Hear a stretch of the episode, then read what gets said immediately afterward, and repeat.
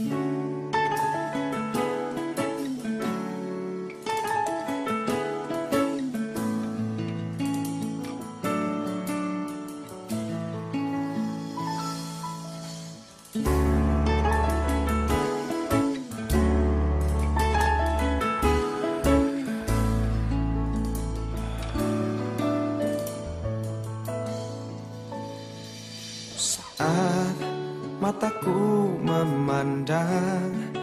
keajaiban karyamu.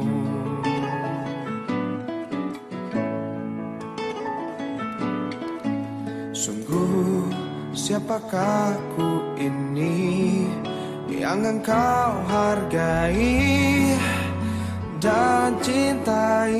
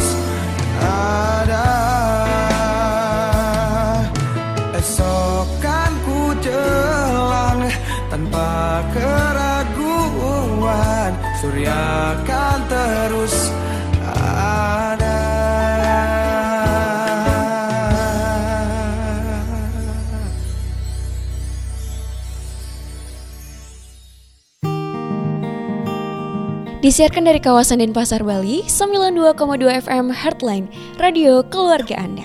Shalom Sobat Muda, kembali lagi bersama dengan Grace. Dan hari ini kita kembali untuk siaran ya di tengah-tengah kondisi seperti ini. Semoga tidak mematahkan semangat kalian untuk tetap mendengarkan kita di program New Hope for New Generations karena hari ini kita akan membawa tema yang sangat menarik dan semoga bisa semakin menguatkan iman kalian ya. Dan tema hari ini tentang faith over fear. Dan tentunya di sini kita dilayani sama pendeta yang paling kece sedunia. Ada Pak Pendeta Rio, Shalom Pak Pendeta Rio. Shalom Grace, Shalom Sobat Muda. Oke, selamat eh, selamat malam. Dan apa kabarnya Pak Pendeta Rio? Kabarnya baik, terima kasih Grace Oke, dan jangan lupa buat selalu dengerin kita di program New Hope for New Generation. Dan sebelum kita memulai siaran kita pada hari ini dan masuk ke dalam diskusi satu lagu untuk kalian semua.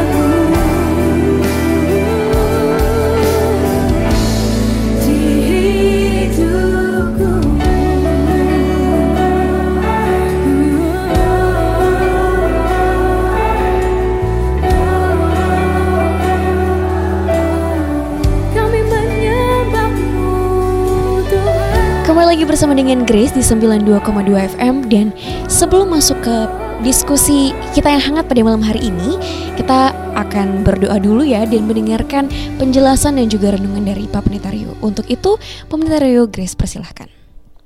Terima kasih Grace. Sobat muda yang dikasih berkati Tuhan, mari kita berdoa sebelum kita bersama merenungkan dan mendengar firman Tuhan. Bapak dalam surga dalam nama Yesus, kami sungguh bersyukur karena Tuhan kembali mengizinkan kami berjumpa dalam siaran New Hope for New Generation ini.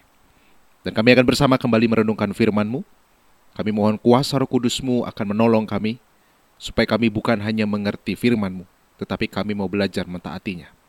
Di mana pun setiap pendengar ini boleh mendengar siaran, Tuhan akan melawat mereka juga dengan firman-Mu.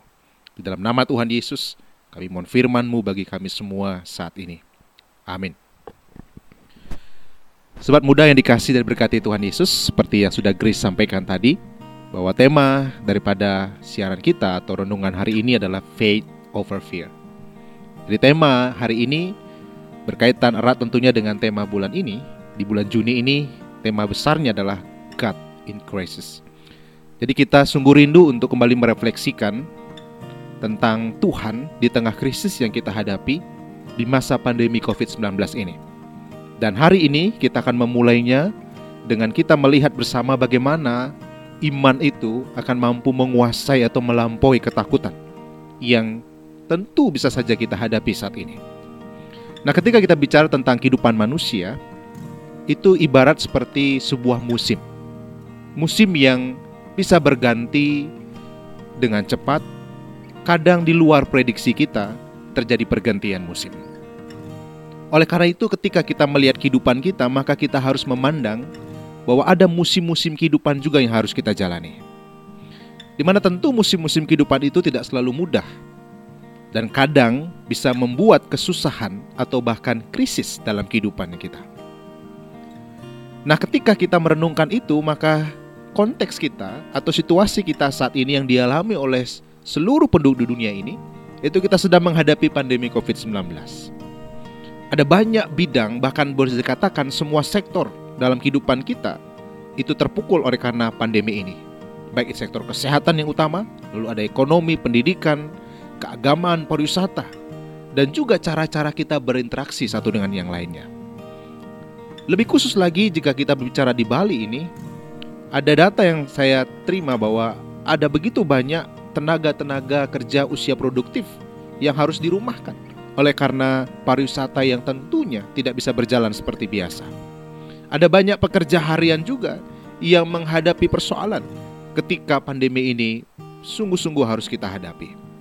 Dari sisi keagamaan, dari sisi ibadah, kita juga harus melaksanakan ibadah dari rumah, bahkan sekolah juga dari rumah. Nah, situasi yang kita hadapi hari ini tentu bisa membuat banyak keterkejutan dalam diri kita dan bisa menimbulkan rasa takut. Apalagi kalau kita memandang kepada masa depan. Ada begitu banyak mungkin berita yang sudah kita baca, kita dengar yang bisa membuat ketakutan ketika kita menatap hari esok atau masa depan kita.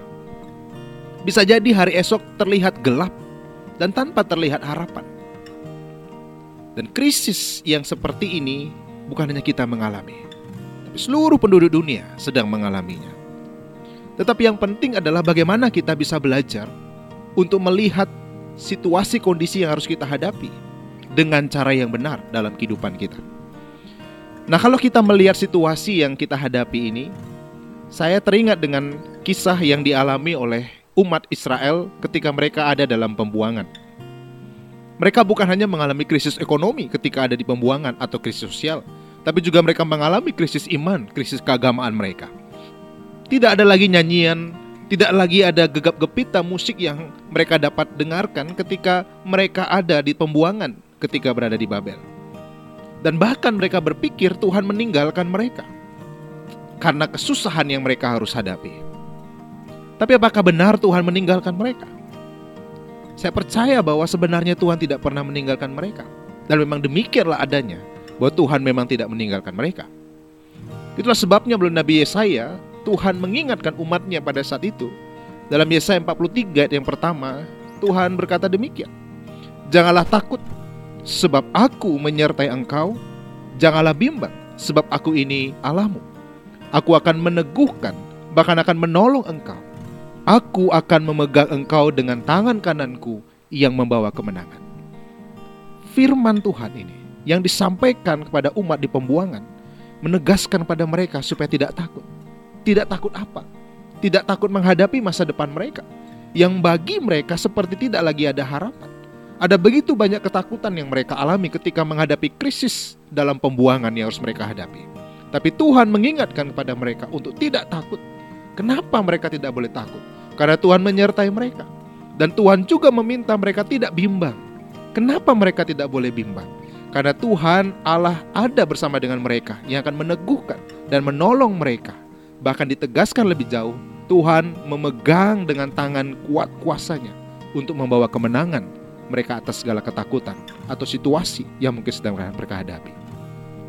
Sobat muda yang dikasih dan berkati oleh Tuhan Yesus, apa pun kesulitan yang mungkin sedang sobat muda alami, mungkin ada yang mengalami dampak pekerjaannya menjadi hilang, atau mengalami penurunan pendapatan, atau bahkan hal dampak lain dalam relasi satu dengan yang lain. Tentu situasi yang kita hadapi hari ini bisa menimbulkan ketakutan.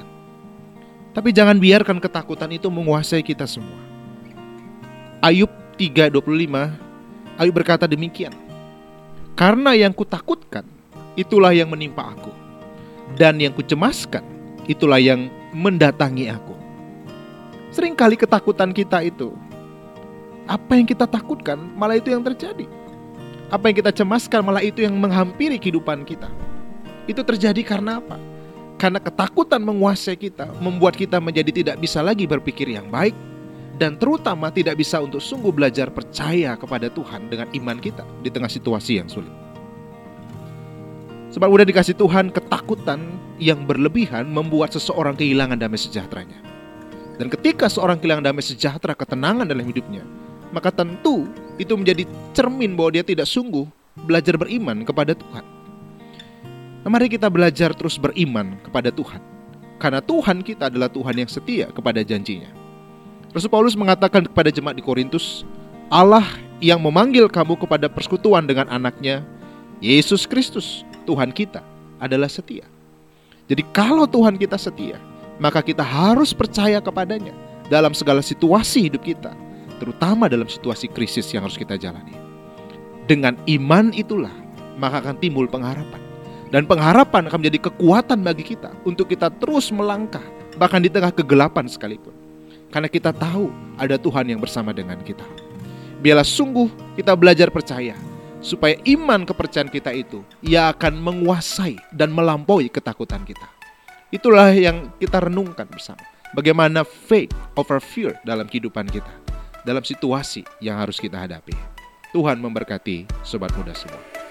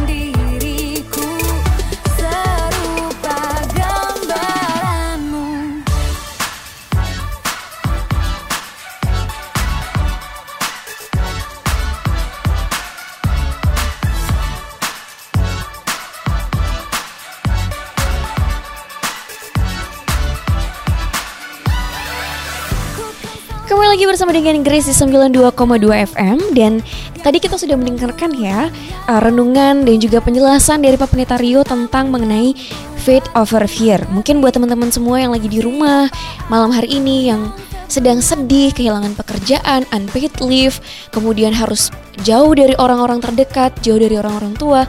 Mungkin dengan perbincangan kita pada malam hari ini bisa semakin menguatkan teman-teman tentang pentingnya iman dalam menghadapi rasa takut itu sendiri. Tapi sebelum itu, Grace pengen nanya nih sama Pak Pendeta Rio. Apa sih roh ketakutan itu Pak Pendeta dan kenapa itu sangat berbahaya sampai harus harus dihilangkan begitu kira-kira? Mungkin Pak Pendeta Rio bisa jawab? Ya, terima kasih Grace. Ayat yang mendasari ya pertanyaan Grace itu adalah 2 Timotius 1:7. Saya bacakan aja dulu ya. Sebab Allah memberikan kepada kita bukan roh ketakutan, melainkan roh yang membangkitkan kekuatan, kasih, dan ketertiban. Nah, saya ingin menjelaskan dulu sedikit konteks ayat ini. Jadi konteks ayat ini adalah ketika Paulus, Rasul Paulus memberikan nasihat kepada anak rohani yaitu Timotius ketika dia harus tetap bersaksi dan melayani jemaat yang dipercayakan untuk dia layani.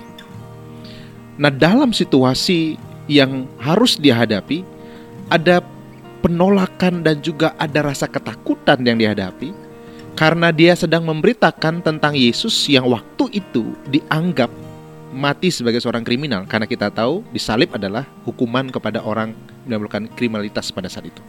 Ditambah lagi fakta bahwa apa yang disampaikan oleh Timotius adalah berita yang dibawa oleh Paulus yang waktu itu ada dalam penjara. Berarti bisa dipahami ya Paulus Paulus ketika mengingatkan ini dia ingat bahwa Timotius sedang merasa aduh saya beritanya benar nggak nih ya? Ada ketakutan yang dihadapi dan juga ada rasa penolakan. Jadi dia sudah mengantisipasi dalam dirinya aduh kayaknya apa yang saya sampaikan nanti bisa diterima nggak ya? Ada ketakutan yang dia hadapi. Nah itu membuatkan krisis dalam dirinya. Krisis apa? Krisis untuk apakah dia tetap maju ataukah dia mundur saja atau dia diam saja.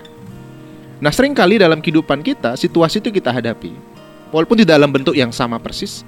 Tapi ketika kita menghadapi krisis oleh karena apa pun yang terjadi, kita bisa timbul ketakutan yang membuat kita berpikir apakah kita tetap maju Apakah kita mundur atau kita diam di tempat? Nah, yang menarik adalah ketika Rasul Paulus membandingkan ada jenis-jenis roh tanda kutip gitu. Nah, ini supaya dipahami supaya tidak kesannya oh berarti banyak jenis roh ini, bukan. Bukan banyak jenis roh, ada roh ketakutan, ada roh yang kekuatan, roh kasih, roh ketertiban, banyak rohnya. Berarti banyak jenis roh ini yang kita percaya bukan di situ. Tapi lebih kepada apa yang roh Tuhan dapat kerjakan. Berarti kalau di luar itu bukan bekerja roh Tuhan berarti itu pekerjaan roh lain atau boleh dikatakan bukan pekerjaan Tuhan. Oleh karena itu dikatakan kalau kita melakukan apa yang mesti kita lakukan, harusnya bukan ketakutan. Tetapi apa? Harus ada kekuatan daripada Tuhan melalui rohnya, ada kasih dan ketertiban. Itu penting. Ini penting ya tiga kata ini ya, kekuatan, kasih dan ketertiban. Selain nggak boleh takut, kalau memang itu harus kita kerjakan, kita harus mengerjakan dengan kekuatan daripada Tuhan. Tujuannya apa? Supaya nggak sombong. Oh, itu kekuatan Tuhan. Harus melakukan dengan kasih. Tujuannya apa? Yang kita lakukan usahakan jangan sampai menyakiti orang lain. Harus dengan ketertiban. Artinya apa? Semua harus dengan aturan-aturan yang kita nggak langgar dalam kehidupan kita. Nah dalam konteks COVID ini saya merenungkan begini, Grace. Ketika kita menghadapi masa krisis dalam berbagai bentuknya, bisa menimbulkan ketakutan, maka jangan sampai ketakutan itu menguasai kita. Kenapa? Karena kalau ketakutan menguasai kita, maka itu bukan dari roh Tuhan. Karena roh Tuhan atau roh kudus yang kita rayakan berapa hari yang lalu dalam Pentakosta, itu membangkitkan kepada kita kasih, kekuatan, dan ketertiban. Nah ketika kita mau berjalan dalam masa krisis dalam iman kepada Tuhan, berarti ada roh Tuhan yang menolong kita untuk memberikan kekuatan untuk kita melangkah di tengah masa krisis. Untuk memberikan kita kasih untuk kita belajar juga mengasihi di tengah masa krisis. Bukankah begitu banyak orang yang memerlukan pertolongan hari ini? Bukan berarti kita orang yang hanya perlu ditolong. Bisa jadi lebih banyak orang sekitar kita yang lebih diperlukan untuk ditolong daripada kita. Dan berikut adalah ketertiban. Kita tahu dalam masa COVID ini penting sekali untuk tertib. Bayangkan kalau kita nggak tertib apa yang terjadi. Begitu banyak akan terjadi banyak kasus yang akan dialami. Maka bagi saya ini relevan untuk direnungkan. Roh Tuhan Kudus sudah diberikan bagi kita.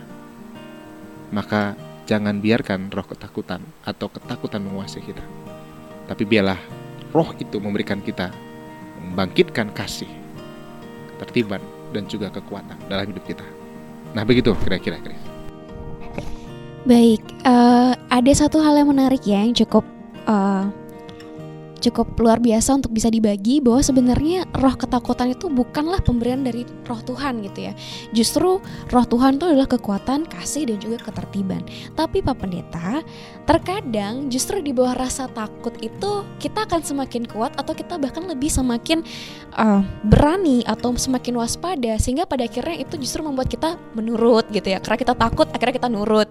Nah, kalau hal ini kan dua hal yang ber bertolak belakang atau berkontradiktif. Menurut Pak Pendeta bagaimana? Iya. Kalau kita sedikit mempelajari tentang boleh dikatakan perkembangan psikologis manusia, memang pada usia tertentu, khususnya anak-anak, memang penting untuk mereka takut terhadap sesuatu yang harusnya mereka takuti. Misalnya kita tahu dia suka main setrika, kita tahu, jangan ya, nanti luka. Harus kasih tahu. Jangan bilang kamu mau coba, coba dulu ya gitu. Nah, itu bukan cara memberikan pelajaran yang benar. Orang harus tahu mana yang berbahaya dan tidak. Saya meyakini sesuai dengan apa yang saya baca, saya renung adalah ketakutan itu adalah hal yang Tuhan taruh dalam diri kita untuk menolong kita sebenarnya. Tapi akibat dosa ketakutan itu akhirnya menguasai kita, bisa menguasai kita. Harusnya kita menguasai ketakutan. Bayangkan kalau kita nggak punya rasa takut bahaya. Tapi sebaliknya kalau ketakutan menguasai itu yang jadi persoalan. Maka penting sekali untuk kita pahami begini, Chris. Semakin dewasa orang, dia semakin bukan diajari untuk takut, tetapi untuk memilih apa yang benar. Jadi ketika ada orang masih hanya mau tertib, contohnya karena ditakut-takuti, dia mungkin masih anak-anak dalam sisi kedewasaannya. Tapi ketika dia makin dewasa, bukan lagi ketakutan yang diberikan, tetapi pilihan. Ini jalan yang harus kita lakukan. Ini hal yang harus kita kerjakan. Nah, miriplah ketika saya merenungkan kehidupan saya. Saya ingat dulu ketika saya belajar di sekolah. Pernah sekolah juga ya. Bukan langsung tamat. Saya pernah belajar di sekolah dulu. Saya takut terlambat di sekolah. Bukan karena saya rasa itu baik. Supaya jangan dihukum. Karena kalau terlambat waktu saya sekolah dulu, hukumannya bukan hanya disuruh push up atau apalah namanya fisik itu, tapi disuruh keliling sekolah sekali. Tujuannya apa? Supaya teman-teman satu sekolah lihat. Untuk apa? Untuk supaya jerah gitu kira-kira. Nah semakin saya bertumbuh dewasa, saya belajar bahwa sebenarnya bukan harus takut alasannya. Tapi karena itu memang baik bagi saya menjadi orang disiplin. Nah di situ saya menemukan bahwa sebenarnya ketika firman bicara roh ketakutan, itu bicara tadi kita dibudak oleh rasa takut kita. Kita menjadi hambanya rasa takut. Padahal sebenarnya dalam Tuhan kita harus menguasai segala ketakutan. Jadi bukan menghilangkan ketakutan ya. Ketakutan harus ada, tetap ada dalam diri kita, tetapi jangan dia menguasai kita. Tapi jangan juga lebay takut hal yang nggak penting kira-kira gitu. Ya sobat muda tahu lah apa yang mungkin takut yang nggak penting gitu. Nah kira-kira itu dulu Chris. Terima kasih. Oke, baik. Terima kasih Pak Pendeta Rio. Wow, penjelasannya sangat uh, luar biasa to the point sekali ya. Langsung rasanya tuh clear gitu ya, nggak ada pertanyaan gitu rasanya. Nah, mungkin yang bisa di highlight buat teman-teman di rumah yang uh, merasa bahwa dia mesti takut atau mesti nggak takut ya, karena takut kalau terlalu menguasai itu sangat buruk dan jika tidak punya rasa takut itu juga buruk. Artinya kita sebagai orang yang udah dewasa harus tahu di mana meletakkan porsi yang sebagaimana mestinya gitu. Kita harus tahu uh, bahwa ketakutan tersebut tidak boleh menguasai kita dan kita juga tidak boleh kehilangan rasa takut itu sendiri. Dan yang paling penting adalah dengan rasa takut tersebut kita harus belajar untuk menumbuhkan rasa keberanian untuk melawan rasa takut tersebut. Mungkin buat teman-teman yang sekarang uh, dalam kesendirian gitu ya, sedang uh, mengalami kesusahan akibat masa-masa krisis seperti ini dan merasa takut, wajar.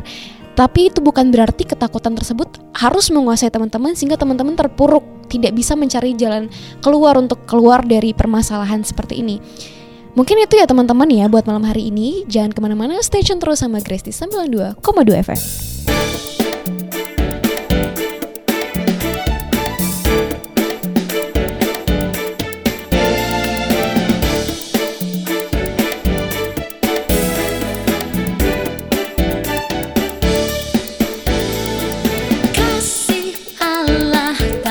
Jesus.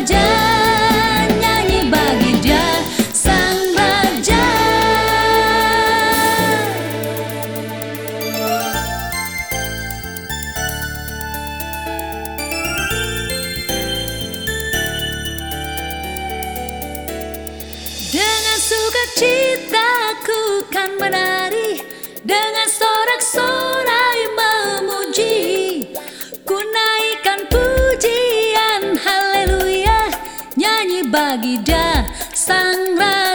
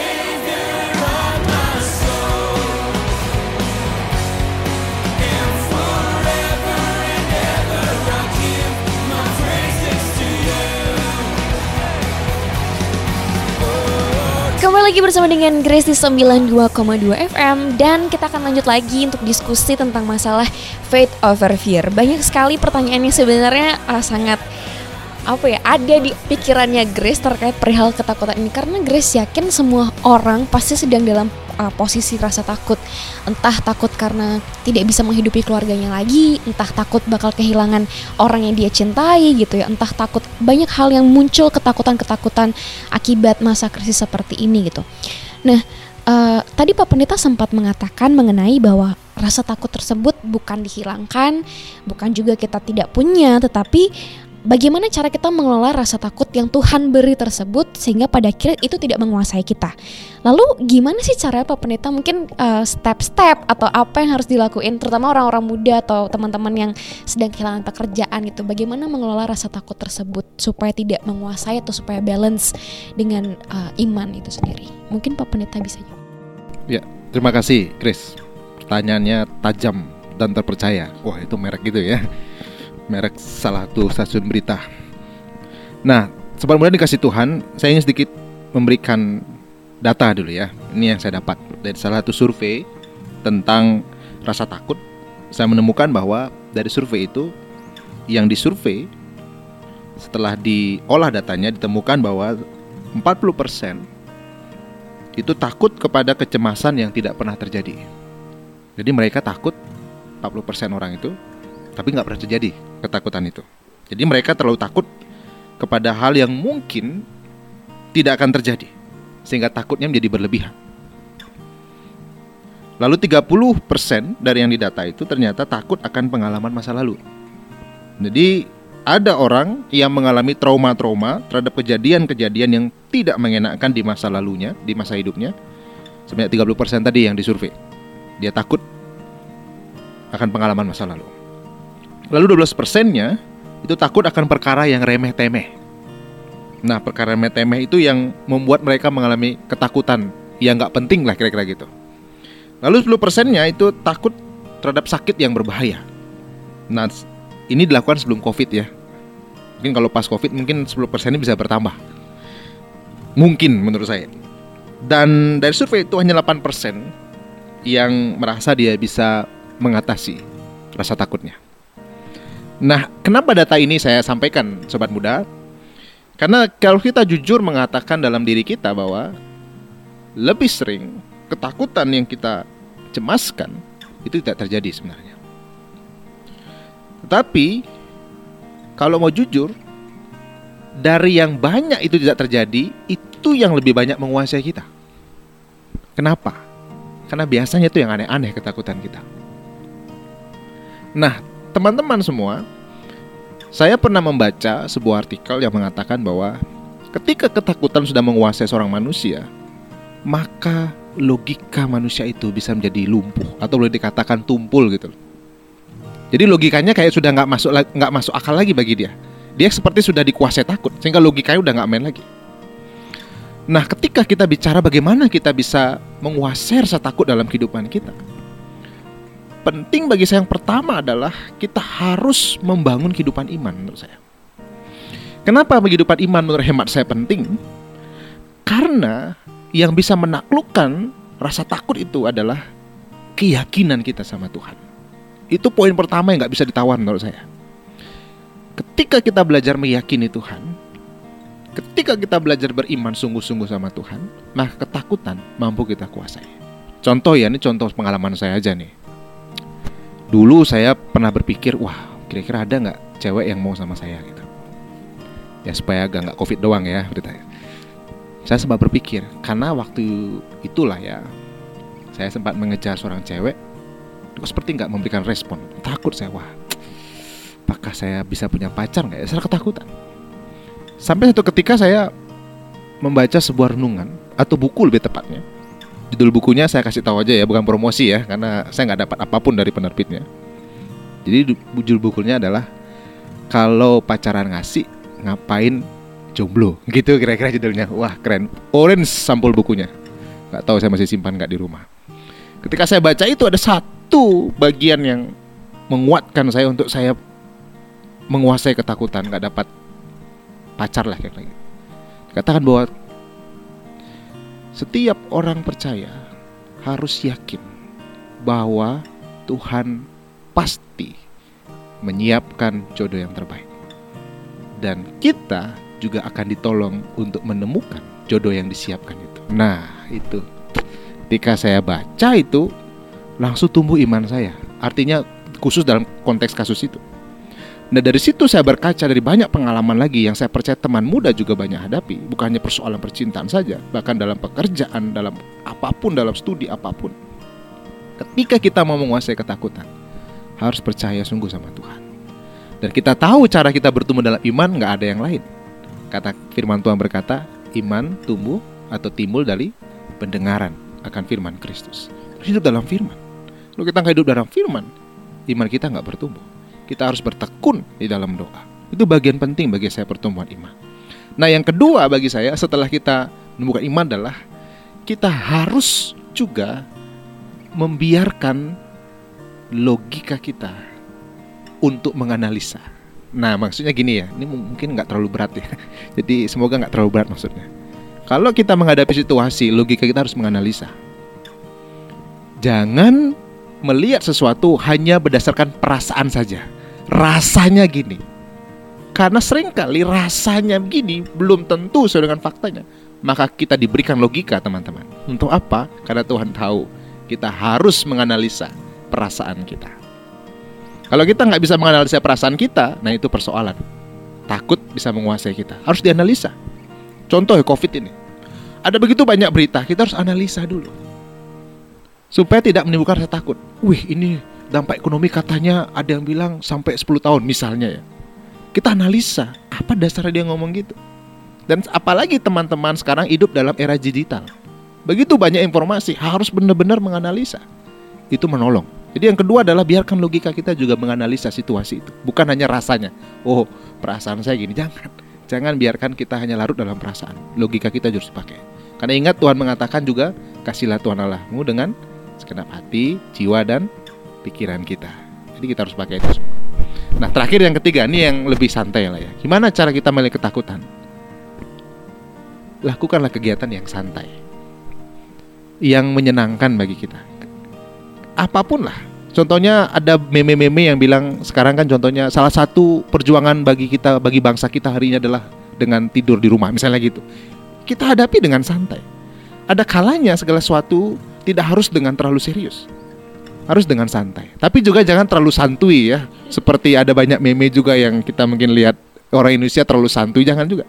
Tapi artinya adalah ada kalanya kita harus menghadapi situasi dengan santai yang benar itu maksudnya. Jangan santai wah santai aja dah nggak perlu gitu. Nah, itu maksudnya jangan terlalu gitu. Nah, itu kira-kira tiga menurut saya yang bisa menolong untuk dalam proses kita belajar menguasai ketakutan dalam hidup kita. Oke, terima kasih Pak Pendeta Rio, luar biasa sekali ya. Tiga cara yang sebenarnya bisa kita lakukan uh, untuk memaintenance rasa takut kita. Mungkin Grace bisa ulangi lagi sekali ya. Pertama itu adalah kita harus punya keyakinan sama Tuhan. Gimana sih caranya punya keyakinan sama Tuhan dengan mengelola kehidupan iman kita itu sendiri gitu. Gimana caranya? Ya seperti Pak Pendeta Rio bilang tadi, dengan saling dengar-dengaran, mendengarkan firman dan lain sebagainya, berdoa, bertekun dan lain sebagainya.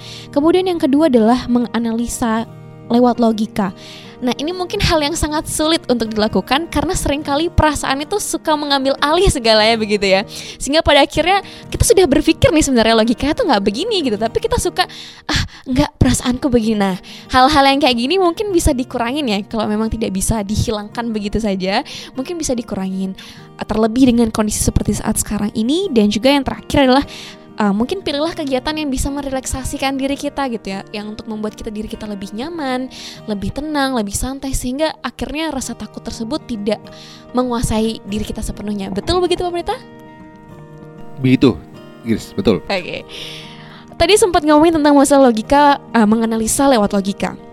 Ada satu case yang sebenarnya sering sekali mungkin bahkan di antara kita uh, sedang melakukan hal seperti itu ya, bahwa uh, kita berusaha untuk uh, menghindari mendengarkan atau menonton berita karena kita merasa tidak damai sejahtera ketika kita menonton berita tersebut Pak Pendeta. Seperti yang Pak Pendeta bilang tadi, ketakutan yang berlebihan akan kehilangan damai sejahtera. Apakah benar menghilang eh, menghilangkan ketakutan dengan seperti itu. Padahal itu kan hanya sementara aja. Kita berusaha menghindari itu kan sebenarnya juga tidak baik ya Pak Penita. Nah, gimana menurut Pak Penita? Ya, terima kasih Grace. Saya pernah baca sebuah artikel ya. Kurang lebih artikel itu berbicara bahwa setiap manusia itu punya sistem disebut menghindar. Sistem menghindari sesuatu entah membuat rasa sakit dalam hatinya, entah menurut dia bisa menimbulkan rasa takut. Nah, saya baca juga sebenarnya sistem itu Tuhan ciptakan baik adanya sebenarnya. Bayangkan kalau kita tidak punya sistem itu, kita terima semuanya saja. Nah, persoalan adalah dalam artikel saya membaca bahwa sering kali orang menggunakan itu untuk sebenarnya dia bisa menyelesaikan persoalan itu. Nah, sistem itu menjadi bukan lagi menolong dia, tetapi malah menempatkan dia dalam tanda kutip kenyamanan semu sebenarnya. Kenapa? Karena tadi persoalan yang dia harus selesaikan, dia harus selesaikan misalnya, harusnya. Nah, kalau dalam konteks pastoral misalnya, ada orang menghadapi persoalan, kita harus lihat case-nya misalnya. Kenapa dia mengalami begitu? Tentu salah satu di tracking lah. Kalau sekarang istilahnya kan bahasa tracing, di tracing lah ya. Coba jejak-jejaknya apalah jejak-jejak yang pernah mungkin sedang atau sudah pernah dia lalui. Itu sangat mempengaruhi juga pasti. Nah, yang berikutnya adalah kita melihat bahwa ada tidak traumatis dalam diri orang itu. Itu penting juga dipahami. Kita nggak bisa loh ya langsung menjudge seseorang itu langsung hanya kepada apa yang kita lihat, dengar di satu tempat atau satu peristiwa. Karena kita tahu siapa pun kita itu terbentuk dari hari-hari kita yang lalu. Nggak langsung kita jadi orang seperti ini hari itu tidak. Hanya Doraemon yang bisa begitu sekejap mengeluarkan dari kantong dalam perutnya. Sedangkan manusia nggak bisa gitu. Ada proses menjadi seorang seperti apa kita. Nah bagi saya adalah ketika kita melihat situasi itu kita harus lihat dulu kenapa sih begitu. Idealnya memang orang harus mau menghadapi ketakutannya itu untuk menyelesaikan itu. Dia harus berani memasuki sisi gelap atau ruang gelap dalam dirinya supaya dia tidak lagi dikuasai oleh ketakutan ibaratnya ketika kita tahu ada yang sakit, jangan kita mendinainya. Jangan kita istilahnya mengatakan oh nggak sakit kok gitu.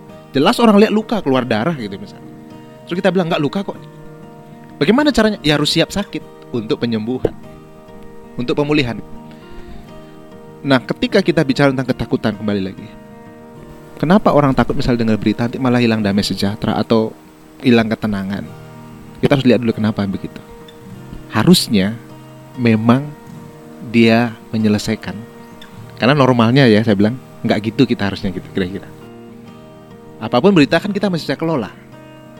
Berita itu kan disampaikan. Gitu. Tapi saya juga harus mengatakan belajar untuk memahami orang seperti itu. Kalau memang itu lebih baik, silahkan dipilih. Tapi menurut saya jangan selamanya. Oke sekali, dua kali, tiga kali oke lah ya. Mungkin dia proses menata hati. Jangan juga kita langsung meminta instan kok pernah denger sih gitu kok nggak pernah berani gitu nggak tapi berikan waktu tapi jangan juga terlalu nyaman yang diberikan kesempatan oh dikasih kok nggak masalah jangan juga jadi proses itu penting bagi saya nah itu mungkin sedikit dari saya. Karena saya percaya sekali lagi bahwa sebenarnya Tuhan berikan kita kekuatan untuk menguasai ketakutan itu. Karena seperti 2 Timotius 1 7 kita nggak diberikan roh ketakutan. Itu harus dipegang betul-betul dalam kehidupan kita. Nggak bisa dia menguasai kita harusnya ya terhadap berbagai situasi yang harus kita hadapi. Nah itu kira-kira Oke, terima kasih Pak Rio. Mungkin uh, satu hal yang bisa ini satu hal yang Grace suka sekali ya dari perkataannya Pak Rio kira-kira tentang bahwa kenyamanan semu itu justru akan tidak membuat kita berkembang ya kira-kira seperti itu ya. Justru dengan kita berani mengambil resiko dalam menghadapi sebuah proses melawan ketakutan tersebut, kita akan menjadi level up begitu kira-kira Pak Rio ya. Iya, ada pemulihan yang terjadi dalam konteks misalnya ada luka batin atau trauma atau dalam konteks kehidupan ya itu tadi ada naik kelas tadi dalam sehingga bisa level up begitu ya. jadi yes. kita tidak stuck di satu posisi saja dan menghindari rasa takut yeah. tersebut ya karena bagaimanapun juga ya kita nggak mau juga dong dihantui rasa takut seperti Betul. itu apalagi seumur hidup kita ya iya bener banget jadi buat teman-teman semua yang lagi mendengarkan Grace dan Pak Pentario mungkin uh, hal ini bisa mulai ditanamkan ya di pikiran kalian. Artinya kita tidak memaksa kalian kok untuk memaksakan diri untuk menghadapi rasa takut, tapi mungkin kalian bisa mencoba dulu dari hal-hal ketakutan-ketakutan yang kecil. Seperti tadi kan Pak Rio bilang ada banyak level ketakutan ya. Mungkin teman-teman bisa mulai dari hal yang kecil, step by step sehingga pada akhirnya teman-teman tuh bisa uh, level up atau bisa lebih lagi uh, menjalani kehidupan. Begitu ya teman-teman ya. Dan uh, jangan ke mana-mana karena Grace dan Pak Rio bakal kembali setelah satu lagu berikut ini.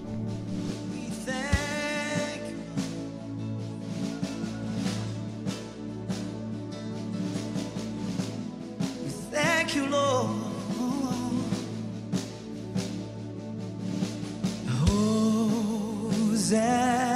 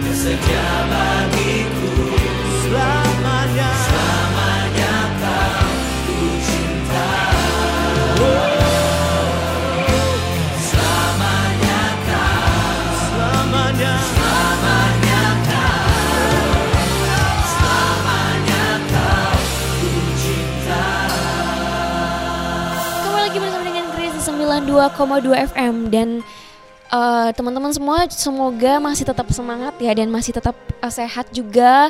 Semoga teman-teman selalu apa ya dalam lindungan Tuhan gitu ya supaya tidak dalam perasaan takut.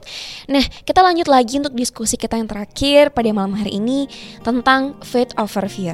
Satu pertanyaan yang Grace sebenarnya ingin tanyakan gitu ya karena ini mungkin sedang kita alami dengan kondisi seperti ini. Nah, kita sering sekali nih dengan keadaan seperti sekarang ini, kebijakan-kebijakan yang baru, dengan keadaan new normal yang seperti sekarang ini kita mulai bekerja kembali, kita mulai bersekolah kembali padahal uh, vaksin belum ditemukan dan virus ini kan berbeda dengan bakteri apa tidak tidak akan hilang begitu saja gitu. Dan kita masih belum rasanya belum siap gitu sehingga saking pasrah atau bingung ya gitu menghadapi kondisi seperti ini kita sampai sudah tidak punya rasa takut gitu. Nah, bagaimana kita menghadapi diri kita yang seperti itu atau bagaimana cara kita menghadapi orang-orang yang seperti itu? Kadang perasaan takutnya jadi menyepelekan uh, hal-hal yang penting gitu Pak Pendeta soalnya. Mungkin Pak Pendeta bisa bantu jawab. Iya, terima kasih Grace. Itu yang kemarin mungkin cukup heboh. Hashtag Indonesia terserah. Nah itu yang mungkin sekarang bisa jadi banyak kita hadapi. Nah itu ekstrim sebaliknya ya. Kalau tadi dikuasai ketakutan ini seperti kehilangan rasa takut gitu. Kalau dalam bahasa yang lain hilang rasa gitu ya. udah udah biasa tersakiti udahlah. Jadi kira-kira gitulah. Udah biasa tersakiti oleh orang lain. Jadi kalau disakiti terus ya biasa jadinya kita kebal gitu. Sebenarnya kalau menurut saya yang sejauh yang saya tahu adalah ketika kita merasa diri sudah sebenarnya kebal, rasa sakit atau takut atau apa. Sebenarnya itu bagian menyembunyikan juga menurut saya. Menyembunyikan rasa takut yang kita sendiri merasa bahwa orang lain tidak melakukan apa yang harus dilakukan. Sebenarnya rasa takut itu masih ada. Tetapi ketika dia menghadapi fakta yang di depannya, khususnya orang di luar dirinya atau situasi di luar dirinya, maka di situ sebenarnya ketakutan itu menjadi ya udahlah ngapain lagi takut. Saya udah berusaha kok, yang lain enggak ya udah. Kira-kira gitu. Tapi saya melihat sisi positifnya. Positifnya apa? Di situlah makna berserah sama Tuhan. Kenapa berserah sama Tuhan? Karena udah mau gimana lagi? Kita nggak bisa ngatur pemerintahan satu. Kayak saya, saya bukan presiden kan, nggak mungkin saya ngatur. Apalagi ngatur gubernur kita, Pak Wen Koster misalnya nggak mungkin saya atur. Saya nggak mungkin ngatur lingkungan saya sepenuhnya. Tapi ketika ada ketakutan muncul, ih nanti gimana ya situasi kalau gini ya bisa lebih parah. Di situlah titik yang positif saya bilang untuk kita berserah sama Tuhan. Bilang Tuhan saya nggak tahu, saya serahkan sama Tuhan. Apa yang bisa terjadi? Tetapi di saat yang sama kata berserah itu harus diikuti dengan kata berusaha. Tetap kita mengusahakan yang baik ya ya udah berserah udahlah. Semua nggak pakai masker. Aku tak tak tak pakai masker juga misalnya gitu. Itu bukan berserah yang benar. Berserah harus ada juga berusaha tetap. Itu penting bagi saya.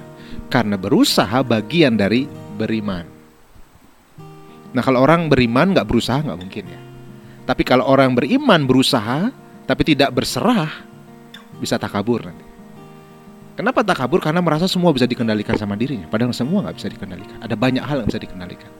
Nah bagi saya adalah ketika menghadapi situasi dalam diri kita, kita harus tetap berusaha yang melakukan yang baik.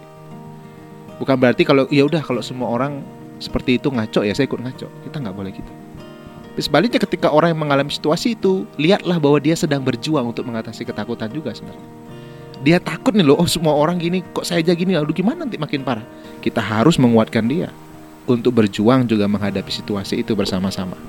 Artinya kita juga mau mereka melakukan tetap apa yang baik gitu. Bukan nambah-nambahin, ya udahlah, bener kamu. Kalau emang gitu ya udah biarin aja, kita nggak usah ngapain lah gitu. Itu bagian bagi saya nggak bijak juga dalam menghadapi situasi saat ini misalnya. Karena saya percaya bahwa tanggung jawab terbesar kita pertama adalah memastikan kita melakukan apa yang benar, apa yang baik. Itu tanggung jawab kita. Sehingga apa pun yang orang lakukan itu berada di luar sering kali tanggung jawab kita. Sehingga kalau kita mau merenungkan lebih jauh, sobat muda khususnya, saya percaya sobat muda ini punya potensi besar sebagai influencer sebenarnya. Kenapa? Karena ya sobat muda lah yang menguasai jagat digital ini. Orang tua ya lebih banyak sebagai konsumsi aja, untuk mengkonsumsi, bukan memproduksi. Nah bagi saya kalau teman-teman diberikan sebuah karunia atau juga Tuhan izinkan punya fasilitas yang cukup, bagi saya baik menjadi influencer yang baik ya dalam konteks ini ya. Bahwa kita mengajak tetap harus kita memperjuangkan apa yang baik, berusaha melakukan apa yang harus kita lakukan. Kenapa? Supaya tidak menjadi tanda kutip tadi ketakutan yang berkonsep negatifnya, tapi yang positifnya. Boleh lebih kepada berserah ya udah, bagian saya sudah ya saya berserah sama Tuhan. Nggak tahu. Nah mungkin itu sedikit yang bisa saya bagikan, Chris. Oke, terima kasih Pak Pendeta Rio. Jadi mungkin buat teman-teman yang mengalami hal seperti ini ya, atau mungkin orang tuanya seperti ini, atau mungkin orang-orang terdekatnya, satu hal yang mesti kita pahami bahwa dengan ini kita justru harus semakin berserah kepada Tuhan karena tidak segala hal kita bisa kendalikan berdasarkan kemampuan kita begitu seperti yang Pak Pendeta Rio bilang tadi dan dengan berserah kepada Tuhan ini juga kita tetap melakukan sesuatu yang bisa kita kendalikan gitu.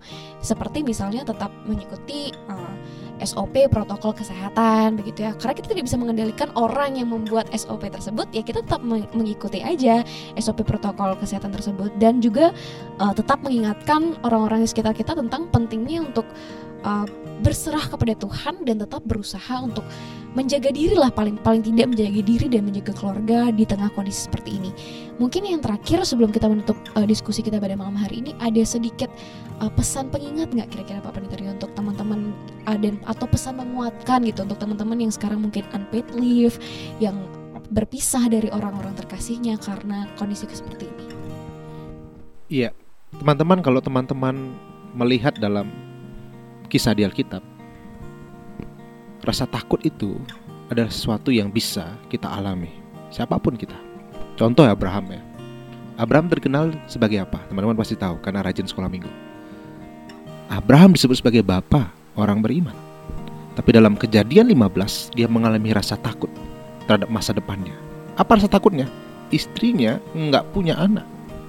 Padahal Tuhan janji keturunannya akan seperti bintang di langit dan pasir di laut. Tapi di situlah Tuhan meyakinkan Abraham. Abraham loh ya disebut sebagai bapak orang beriman. Tetapi dia juga punya pergumulan menghadapi ketakutan. Tapi ketika dia mendengar penguatan janji dari Tuhan, dia tetap melangkah maju. Bahkan untuk menghadapi masa depan yang bagi dia belum jelas ya. Karena belum punya anak. Pada akhirnya kita tahu lahirlah anaknya, Ishak itu. Lalu yang kedua adalah Yesus yang mengambil rupa manusia. Dia juga mengingatkan kita ketika dia mandi semani. Dia berdoa. Pelu-pelunya seperti tetes darah itu.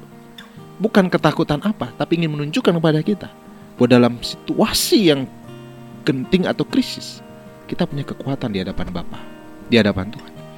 Nah, dalam konteks itu saya mengatakan buat sobat muda semua, sekarang adalah persoalan bukan apakah kita akan mengalami takut atau tidak, tetapi bagaimana kita meresponi setiap rasa takut kita. Apakah kita mau dikuasai rasa takut atau kita menguasai rasa takut?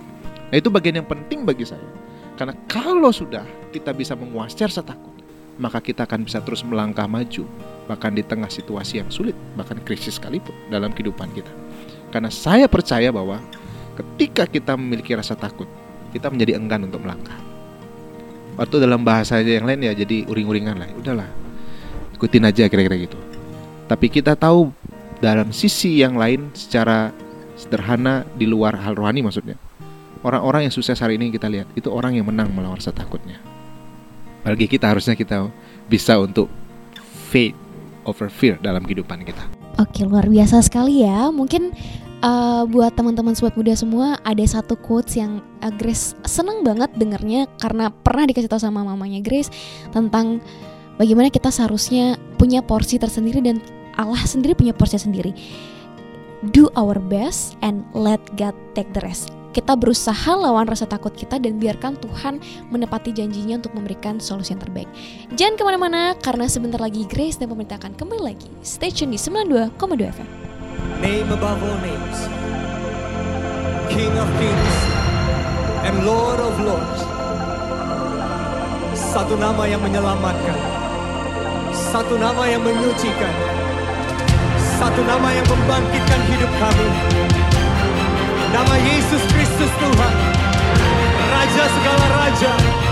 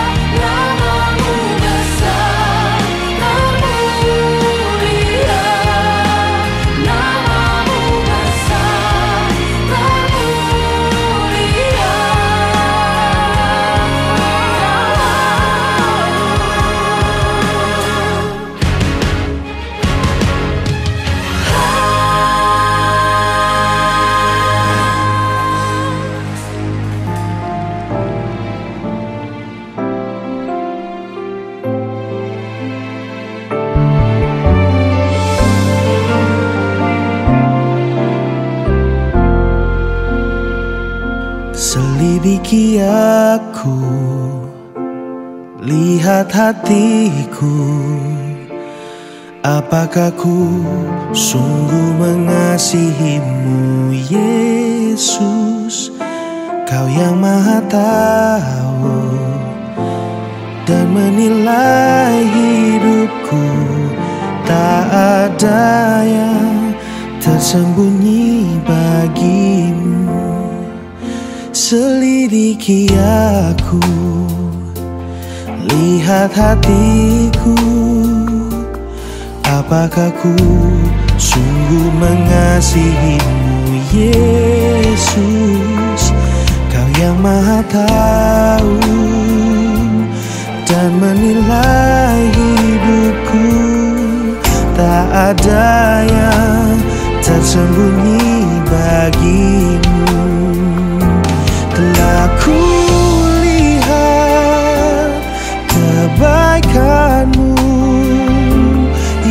tak pernah habis di hidupku.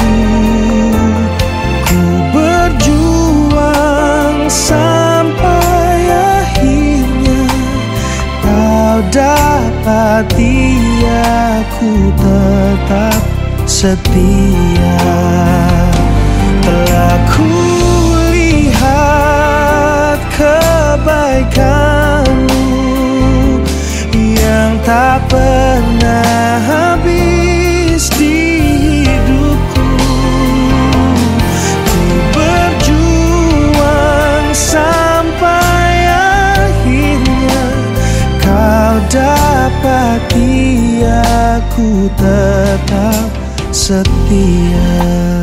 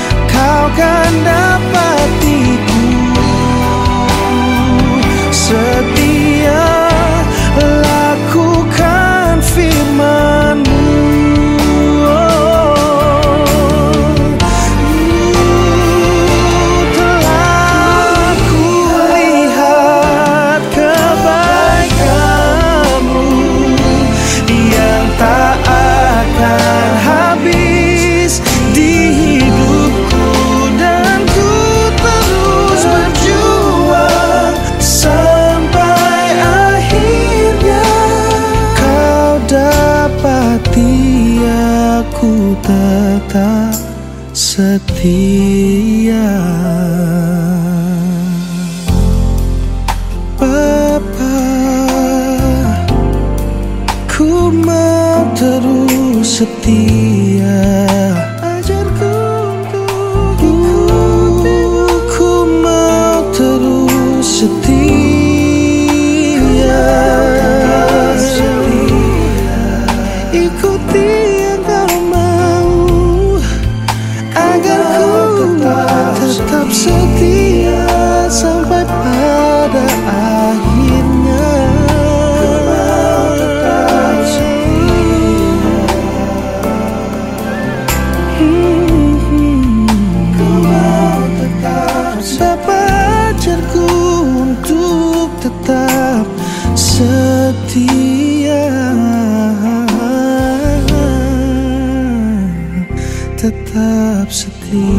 lagi bersama dengan Grace dan tidak terasa ya sudah malam hari ini kita sudah melalui pembacaan renungan, kemudian kita sudah berdiskusi juga tentang tema hari ini Faith over Fear dan semoga semua yang sudah kita diskusikan tadi pertanyaan-pertanyaan itu dan jawaban-jawabannya juga bisa menguatkan teman-teman semua dan juga jangan lupa pesan dari Pak Penitario tadi ya. Dan sebelum kita mengakhiri siaran kita pada malam hari ini dan untuk menutup itu saya serahkan Pak Penitario untuk memimpin kita dalam doa. Terima kasih Grace, sobat muda yang dikasih Tuhan. Mari kita berdoa bersama. Kami bersyukur Tuhan karena kami percaya Engkaulah yang telah mengizinkan siaran ini boleh terjadi. Apa yang boleh kami bersama dengar dan pelajari, Roh Kudus yang akan ingatkan dan tolong kami bukan hanya kami menjadi pendengar, tetapi menjadi pelaku firman yang setia. Di mana pun sobat muda, bahkan setiap pribadi yang mendengar siaran malam ini, biarlah mereka disapa dengan kasih Tuhan. Ketika ada yang menghadapi ketakutan yang mungkin menguasai hidup mereka, biarlah mereka mengalami kelegaan, kekuatan untuk menguasai ketakutan itu sendiri. Engkau kiranya menolong, memberkati bagi sobat muda yang menghadapi persoalan, pergumulan di tengah COVID ini. Tuhan kiranya memberikan kekuatan dan juga Tuhan berikan hikmat, inspirasi untuk mereka dapat melakukan apa yang mesti mereka lakukan. Tuhan di masa pandemi ini kami terus berdoa jika Tuhan berkenan, biarlah pandemi ini cepat teratasi. Vaksin dapat ditemukan, obatnya dapat ditemukan. Tapi jangan biarkan kehendak kami, kehendak Tuhan yang terjadi. Kalau Tuhan masih izinkan pandemi ini ada dalam kehidupan kami, biarlah kami sungguh mengambil hikmah pelajarannya daripada Tuhan. Dan biarlah ini juga boleh kami jalani bersama-sama dalam kesatuan. Pemerintahan kami biarlah mengambil kebijakan keputusan yang baik, kami juga sebagai masyarakat boleh mendukung segala kebijakan dari pemerintahan sehingga sungguh kami boleh melalui pandemi ini bersama-sama. Tuhan berkati gerejamu, gereja Kristen di Bali dalam segala program pelayanan dan setiap pribadi ambil bagian dalam pelayanan Tuhan memberkati. Berkati seluruh umat Tuhan di Pulau Bali ini. Tuhan juga memberkati bagi setiap pribadi yang tinggal di Pulau Bali. Biarlah kasih Tuhan juga ada bagi mereka. Berkati pemerintahan kami supaya mereka boleh juga melakukan tugas-tugas yang lain yang masih harus dikerjakan. Kau menolong memberkati juga Radio Hotline menjadi bagian kami untuk boleh bersama-sama siaran pada saat ini. Tuhan juga menolong memberkati para pemuda-pemudi gerejamu supaya mereka selalu ada dalam pelindungan Tuhan. Di tengah situasi yang harus dihadapi, mereka tetap berpengharapan dan beriman hanya kepadamu saja. Terima kasih ya Tuhan, lah doa kami pada malam hari ini. Biarlah damai sejahteramu boleh dialami dirasakan oleh setiap sobat muda dan juga setiap pendengar pada malam hari ini. Biarlah kasihmu selalu mereka juga alami. Di dalam namamu, Yesus Kristus Tuhan kami, kami berdoa. Amin. Amin. Terima kasih ya buat teman-teman sobat muda semuanya yang sudah mendengarkan kami dari siaran ini dimulai sampai pertengahan dan akhirnya. Dan jangan lupa buat selalu dengerin kami di program New Hope for New Generation setiap jam 8 sampai sampai dengan jam setengah 10 malam. Dan semoga siaran pada malam hari ini bisa memberkati kalian semua dan menguatkan kalian di tengah kondisi-kondisi kritis. Dan sampai jumpa, sampai bertemu lagi. Terima kasih. Tuhan Yesus memberkati.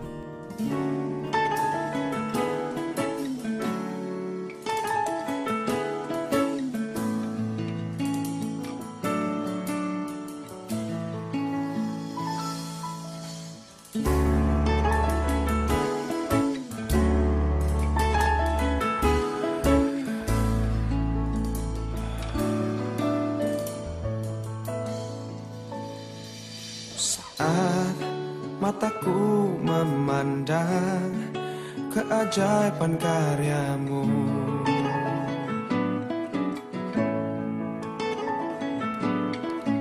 Sungguh siapakah ku ini Yang engkau hargai dan cintai? Selalu dan saat ku pikirkan kebaikan